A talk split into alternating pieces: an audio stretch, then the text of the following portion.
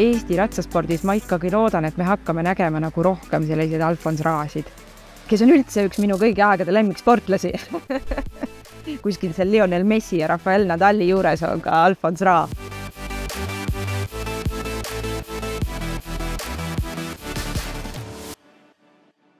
tere tulemast kuulama Hobumaailma podcasti järgmist episoodi. mina olen Mari-Helen ja tänane külaline ei tule üldsegi mitte sügavast ratsamaailmast, aga ratsutamisest teab ta tegelikult äh, päris palju ja on äh, juttu teinud äh, väga paljude Eesti ratsutajatega ja seeläbi ratsasporti laiemale publikule tutvustanud. tänaseks külaliseks, kui te veel ära arvanud ei ole, on meil ERR-i spordireporter ja võib ka öelda, et ratsaspordireporter Aet Süvari. ja temaga teeb juttu Siim Nõmmoja. mõnusat kuulamist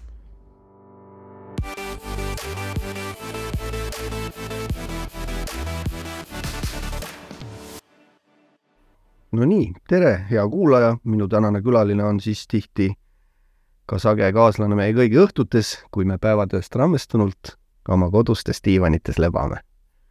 mul on väga hea meel öelda tere ERR-i spordireporterile ja ratsutamise sõbrale Aet Süvarile. tere! kuidas niisugune hästi trafaretne ja, ja tavaline küsimus, et kuidas üldse sinu esimene kokkupuude hobustega toimus?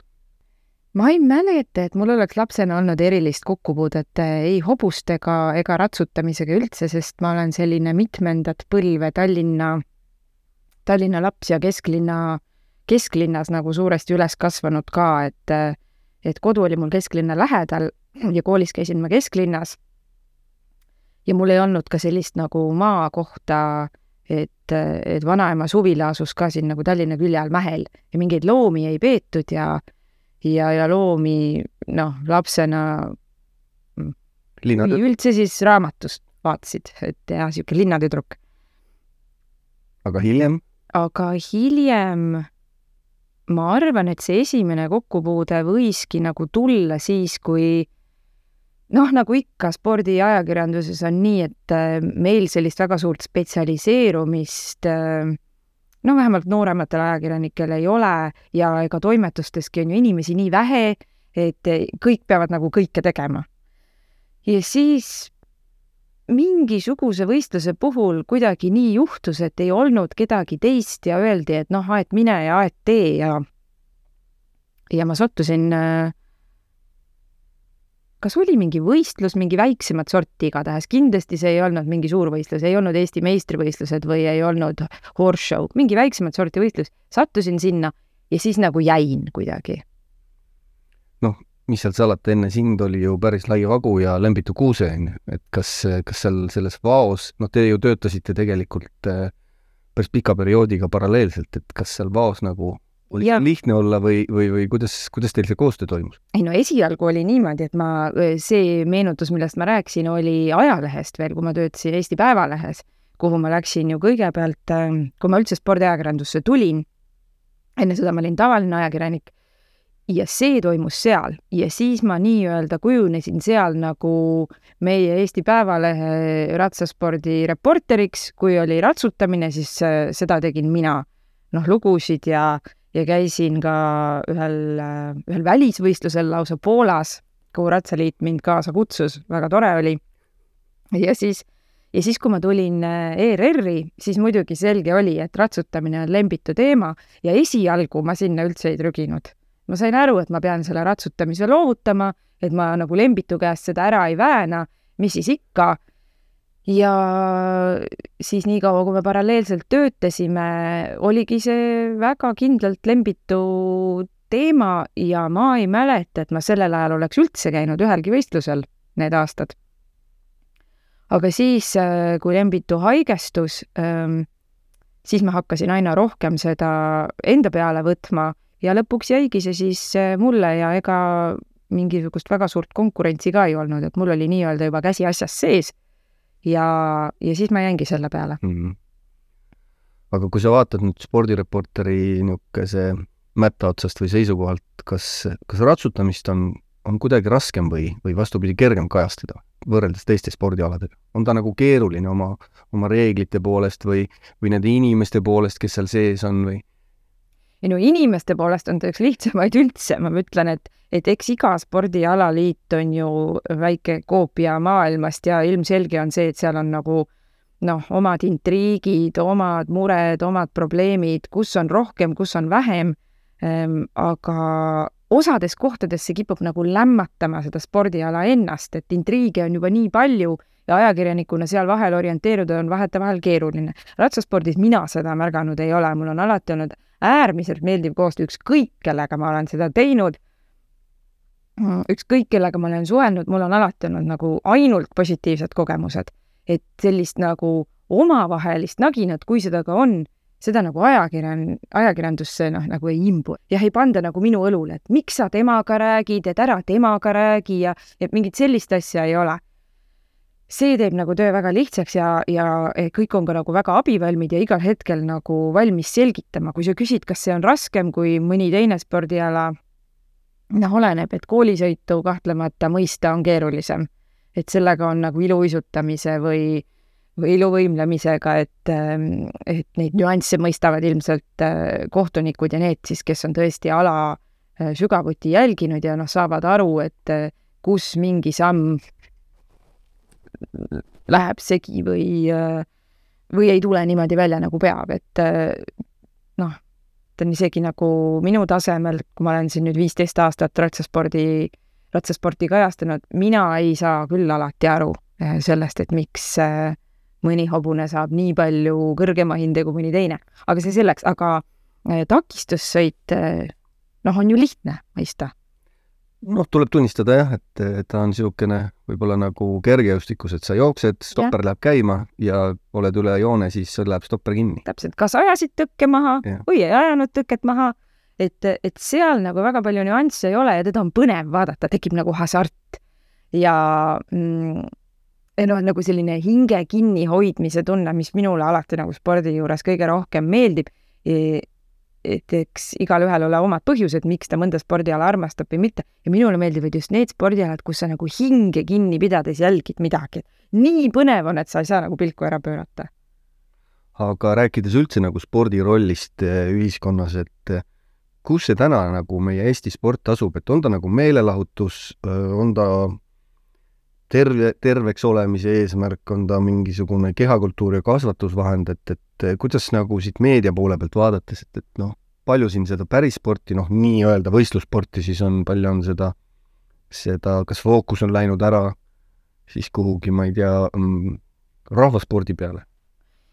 ma arvan, et on kõike seda, mis sa nimetasid, et äh, on inimesi, kelle jaoks sport on puhas meelelahutus ja eks need ole ilmselt need äh, televaatajad, kes siis äh, mingisugust võistlust äh, noh, rohkem või vähem religioosselt äh, on harjunud jälgima ja, ja sellest siis nagu ka kaasa rääkima, on see siis sotsiaalmeedia vahendusel või või, või sõpradega või, või otse ajakirjanikega suheldes, nende jaoks on see meelelahutus.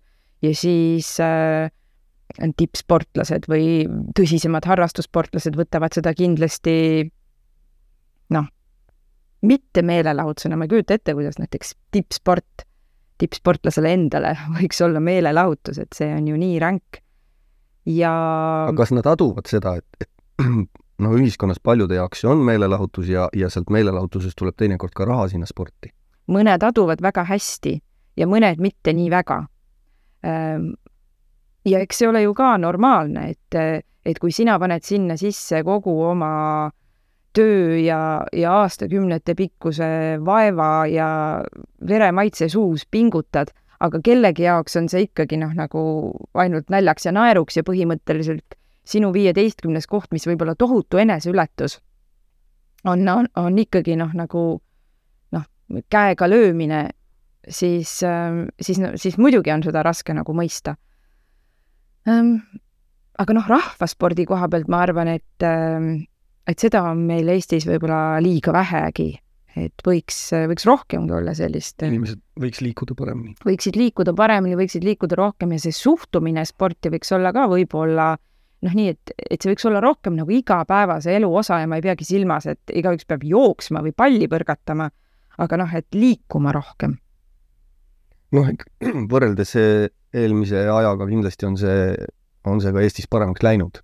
Kõik need liikumisrajad, jalgrattasõidud, kõik see lugu. absoluutselt, et mida, mida nagu paremaks ja tervemaks ja arenenumaks muutub ühiskond, seda rohkem tuleb seda juurde. teisalt seda rohkem tuleb juurde ka sellist autostumist ja mugavust ja, ja noh, sellist noh, ma ei taha rämpstoit öelda, sest minu arvates ükski toit ei ole otseselt rämps, aga nagu sellist noh, ütleme lihtsat kiiret toitu, mis valmib kiiresti, aga mille toiteväärtus võib-olla ei ole nii suur, et see käib ka mugava ühiskonnaga kaasas kahjuks. ja kõik see, et, et mugavam on äh, istuda, võtta burger ja telefoni scroll ida, kui ma ei tea, jalutada kaks kilomeetrit poodi, osta kapsas ja keeta suppi. tore aga vahetame natuke teemat ja selline teinekord äh, vastandatud teema nagu sport ja kultuur. et ma loen sulle alustuseks ühe luuletuse. nii lõpmata pikk on üks elu, nii kindel on meeste meel, kuid mehedki vahel on pelus, kui surm tuleb sõjateel. nii lõpmata palju on armu ja õnne on maailm täis, kuskil ometi pisaraid vargu pühib väikene varruka käis nii lõpmata ilusaid õhtuid ja hommikuid elus on ees, kuid kusagil elu seab ohtu me homsete pärast üks mees. sa ju tead? väga ilus luuletus tean, tean ja kui sa seda lugesid, siis äh, avastasin üllatusena, et ma suudan isegi seda täitsa peast kaasa lugeda, et on veel meeles. see on siis Aet Süvari luulekogu Aeg jookseb, lilled vangile ja see on kirjutatud kuueteistaastaselt jah.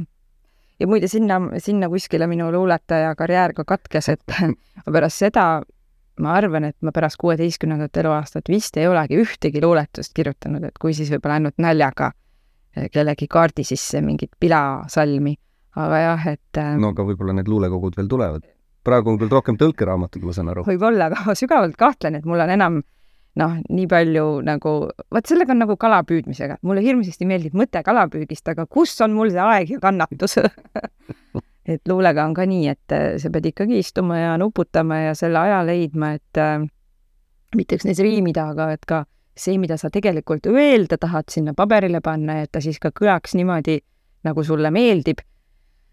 ja mulle ei mul lihtsalt ei ole selleks kannatlikkust. aga väga tore, igatahes Tartu Linna Raamatukogus oli see kohe leitav, see luulekogu. nii et äh, võin, võin sind õnnitleda, sul on kindlasti palju lugejaid. kindlasti, jah aga kas sport ja kultuur on Eesti ühiskonnas mingit moodi ka vastandid? Neid vahepeal nagu kiputakse, vähemalt nagu võib-olla siis on jäänud niisugune mulje ja seltskonna sees nagu teinekord äh, noh. jah, äh, kahjuks neid vahel tõesti vastandatakse. ma saan aru, miks seda tehakse ja muidugi on põhjus raha. no vaieldamata. kes saab raha rohkem ja see alati tekitab kibestumist ja alati tundub ikka, tundub ikkagi kellelegi, et tema on saanud kellegi teise arvelt vähem. et küllap see on see põhjus. aga mis mind eriti kurvaks teeb, on, ähm, on vahel mingi selline, sellist sorti suhtumine, just nagu kultuur oleks väga õilis ja puhas ja kõrge ja püha. aga sport on just nagu mingi selline mainstream. mõttetu pööbli äh, tegevus äh, ja mind kohutavalt üllatab, kui äh, hästi suured kultuurisõbrad ja kui sugugi mitte kõik, vastupidi, üksikud ütlevad, et vaat sport ei huvita mind üldse et see on nagu midagi madalat või odavat või äh, mingi selline nagu pööbli meelelahutus, et vot sellest ma ei saa hästi aru. miks ei võiks inimestel olla väga mitmekülgne maitse, miks ei võiks meeldida tants ja kergejõustik või jalgpall ja teater? kuidas äh, noh, need tippsportlased, kellega sina oled Eestis kokku puutunud, kuidas nende maailmapilt on, kas nemad äh, on ka kultuurist huvitatud ja üldse nagu laiemalt nagu sellest, mis ühiskonnas toimub? mulle on küll jäänud väga selline mulje. et sa ei saa tipus olla, kui su maailmapilt on kitsas? mul ei tule ette ühtegi korda, kus ma oleks ise rääkinud mõne tippsportlasega või noh, ütleme Eesti mõisteski tippsportlasega või siis kuulnud rääkimas tippsportlast, et mind ei huvita raamatud või teater on jama.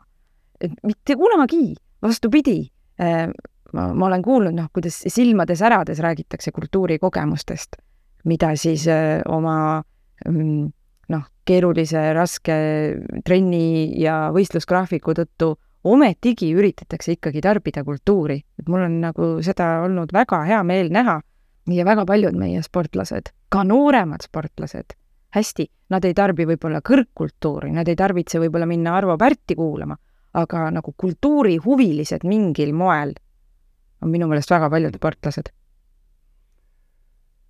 spordimeedia, noh, kitsamalt võttes nüüd, ma pean ikka sinu käest küsima, sina kui suur jalgpallisõber, et kas jalgpall on rohkem majandusharu, sport, mingi subkultuur, mis ta on, et, et teinekord äh, lüües lahti näiteks Postimehe tagumise otsa, siis, äh, siis äh, mõtlen teinekord, et ta võiks, jalgpalli on nii palju, et ta võiks olla nagu seal paar lehte ees ja täitsa eraldi.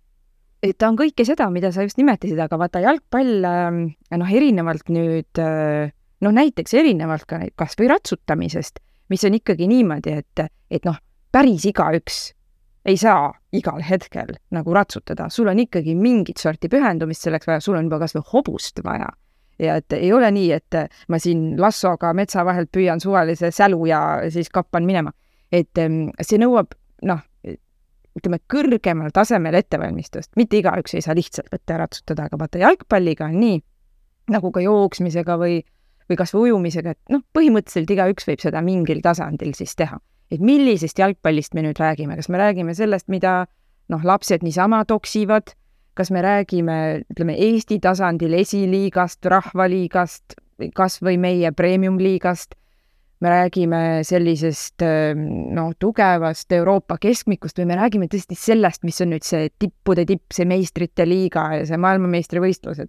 kuskilt maalt võib-olla ta tõesti hakkab rohkem olema juba selline vägagi rahale orienteeritud äh, meelelahutuse vorm suurema osa inimeste jaoks ja noh, mitte muidugi nende vaeste jalgpallurite jaoks, kes seal tõesti noh, ma ei kujuta ette, vahel on nii, et kuu jooksul tuleb sul mängida peaaegu et vaata et viisteist mängu, mis on ju meeletu koormus, et äh, ükskõik millise rahasummaga sa inimese tervist ju kinni ei maksa.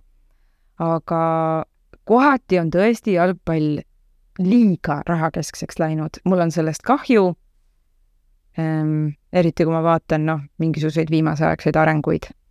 kasutades juhust, siis ma ei saa jätta küsimata, kas teil on ERR-is ka olnud juttu sellest, et jalgpalli on teinekord natuke palju eetris? noh, et oleks ka natukene väikest intriigi meie sellises sõbralikus intervjuus. Ma ei mäleta, et meil oleks olnud niimoodi, et oi, et vot, vot seda jalgpalli on nüüd palju, et ärme nüüd enam seda tee või räägi, et pigem on meil olnud niimoodi, et äh, tahaks veel seda ala ka kajastada, tahaks vot toda, et kuidas me saaksime seda juurde võtta. Ja et valikut oleks rohkem, et, et inimesi ka rohkem rõõmustada, et äh, ka need, kes tahaksid vaadata vot, vot seda spordiala või toda spordiala või seda võistlust, et nemad ka seda saaksid. noh, paraku siin nüüd tuleb jälle mängu seesama raha teema. Äh, raha on hakanud nii koordineerima spordiõiguste maailma et äh, kohati need asjad, noh, on lihtsalt võimatud juba.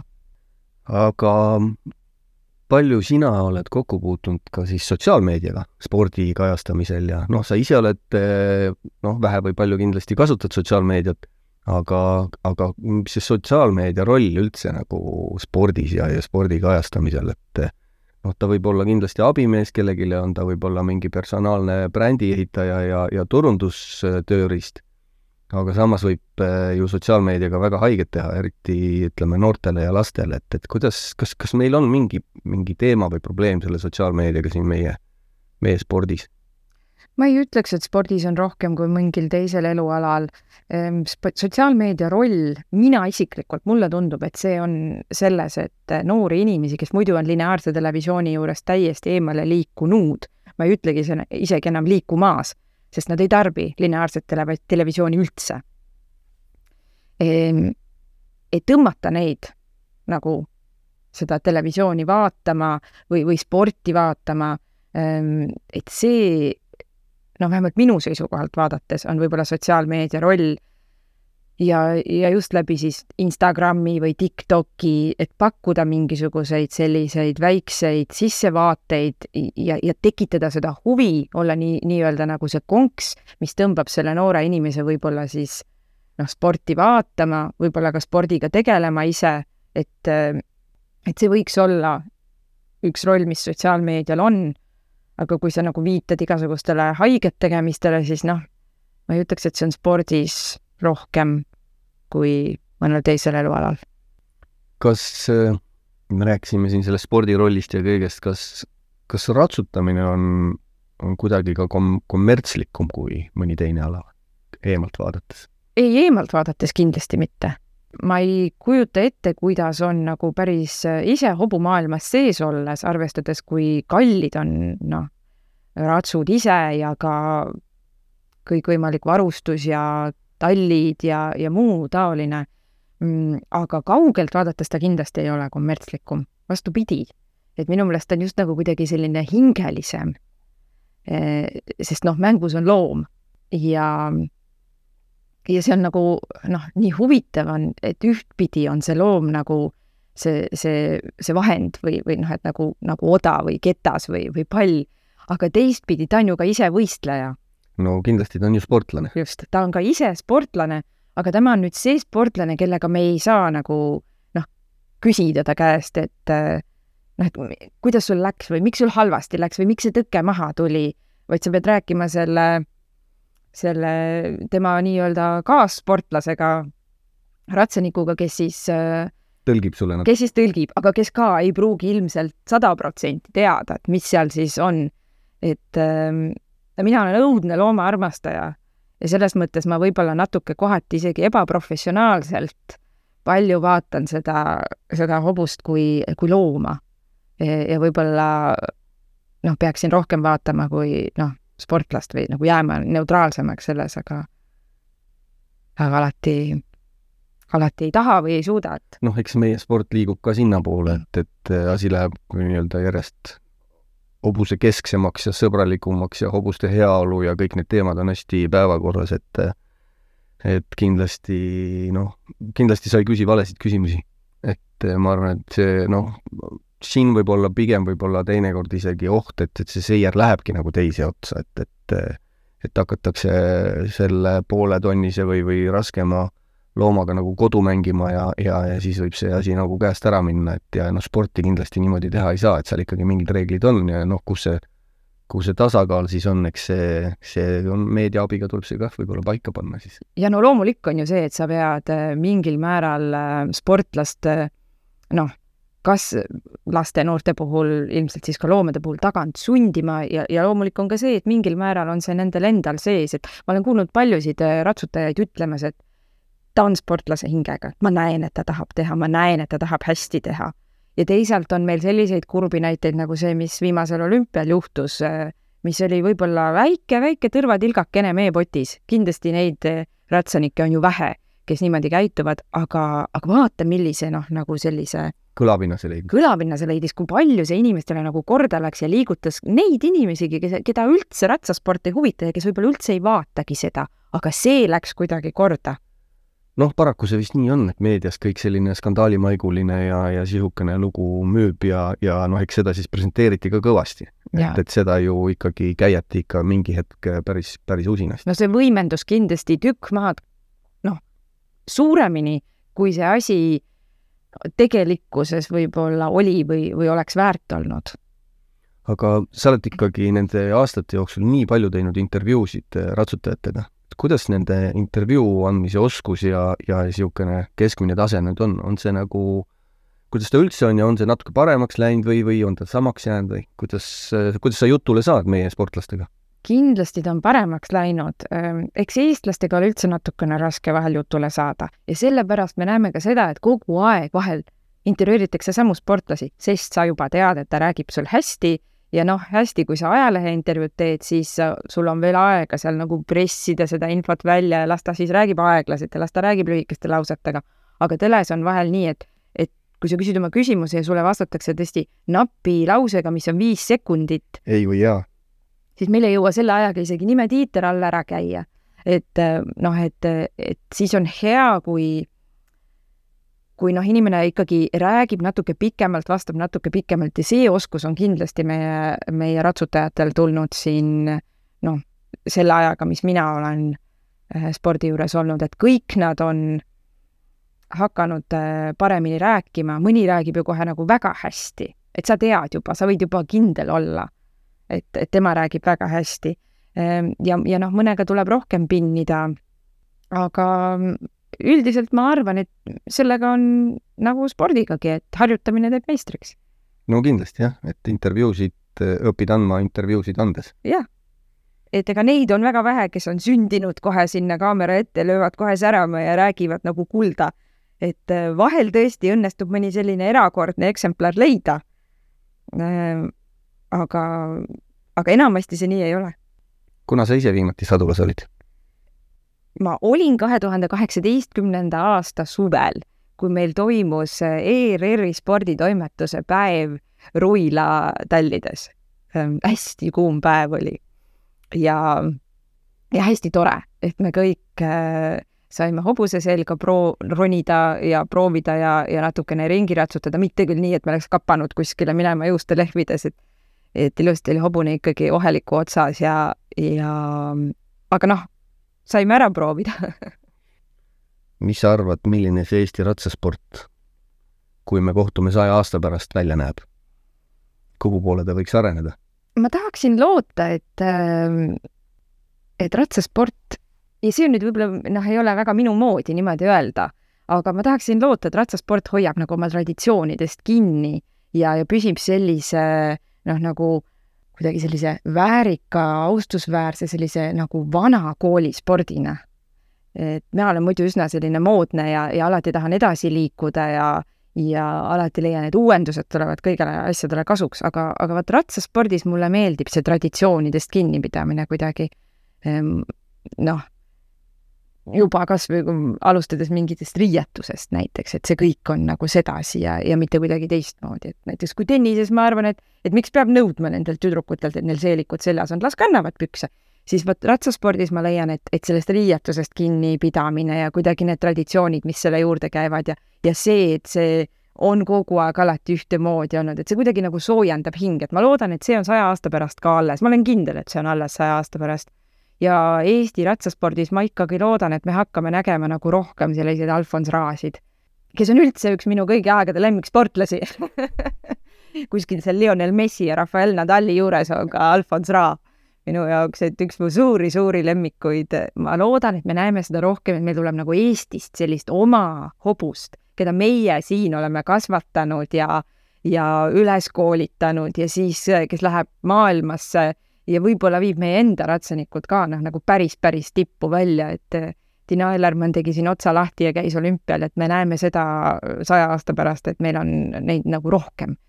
meie oma hobuseid, sest noh, ratsutajad on meil kõvad, aga et meil tuleks ka need oma tipphobused. suurepärane, selle hea, hea soovi ja, ja noodiga võikski lõpetada. ma tänan sind, Aet, sa jagasid minu ja meiega, meie kuulajatega oma mõtteid ja uute kohtumisteni. aitäh, et kuulasid ja kui sulle see episood meeldis, siis kindlasti ükskõik, kas sa kuulad siis seda Spotify'st või iTunes'ist, leia üles follow nupp ja siis sa saad ka teada, millal järgmine episood on üleval. ja kui su sõber veel ei tea, et on olemas Hobumaailma podcast, siis jaga seda infot ka temaga. just, ja mis seal ikka, kuulmiseni juba kahe nädala pärast